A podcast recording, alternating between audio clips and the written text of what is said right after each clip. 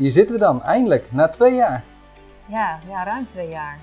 Ruim twee jaar. We begonnen op een strandtent met het idee om een podcast te beginnen.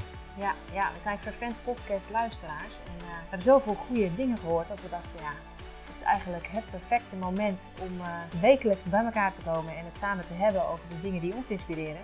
En misschien kunnen we daar ook wel anderen mee inspireren. Ja, en niet alleen wat we gehoord hebben, maar zeker ook wat we de afgelopen tien jaar hebben toegepast.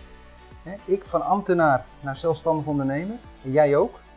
Ja, ja, ja, ik ben nog steeds, natuurlijk nog steeds een beetje ambtenaar, hè, Richard? Dat kunnen we niet ontkennen. Nee, dat blijven we niet ontkennen. en dat zul je misschien ook terug horen in onze podcast.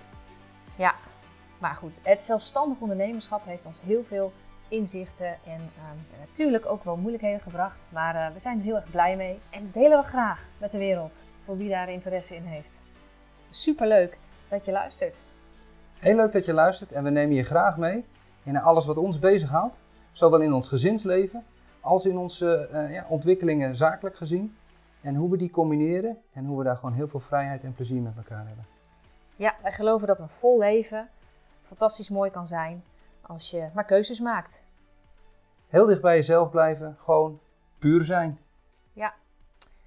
Dus wil je graag weten wat voor onderwerpen er voorbij gaan komen, misschien zelfs wel welke interviews, volg ons dan. Zorg dat je je abonneert op deze podcast. En dan hebben wij een wekelijkse portie inspiratie over hoe wij puur zijn. Tot gauw.